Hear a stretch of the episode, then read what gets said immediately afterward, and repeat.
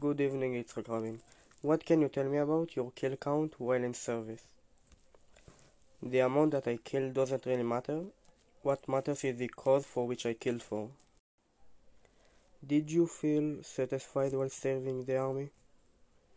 I think it's obvious to feel satisfied serving the army, especially after winning battles.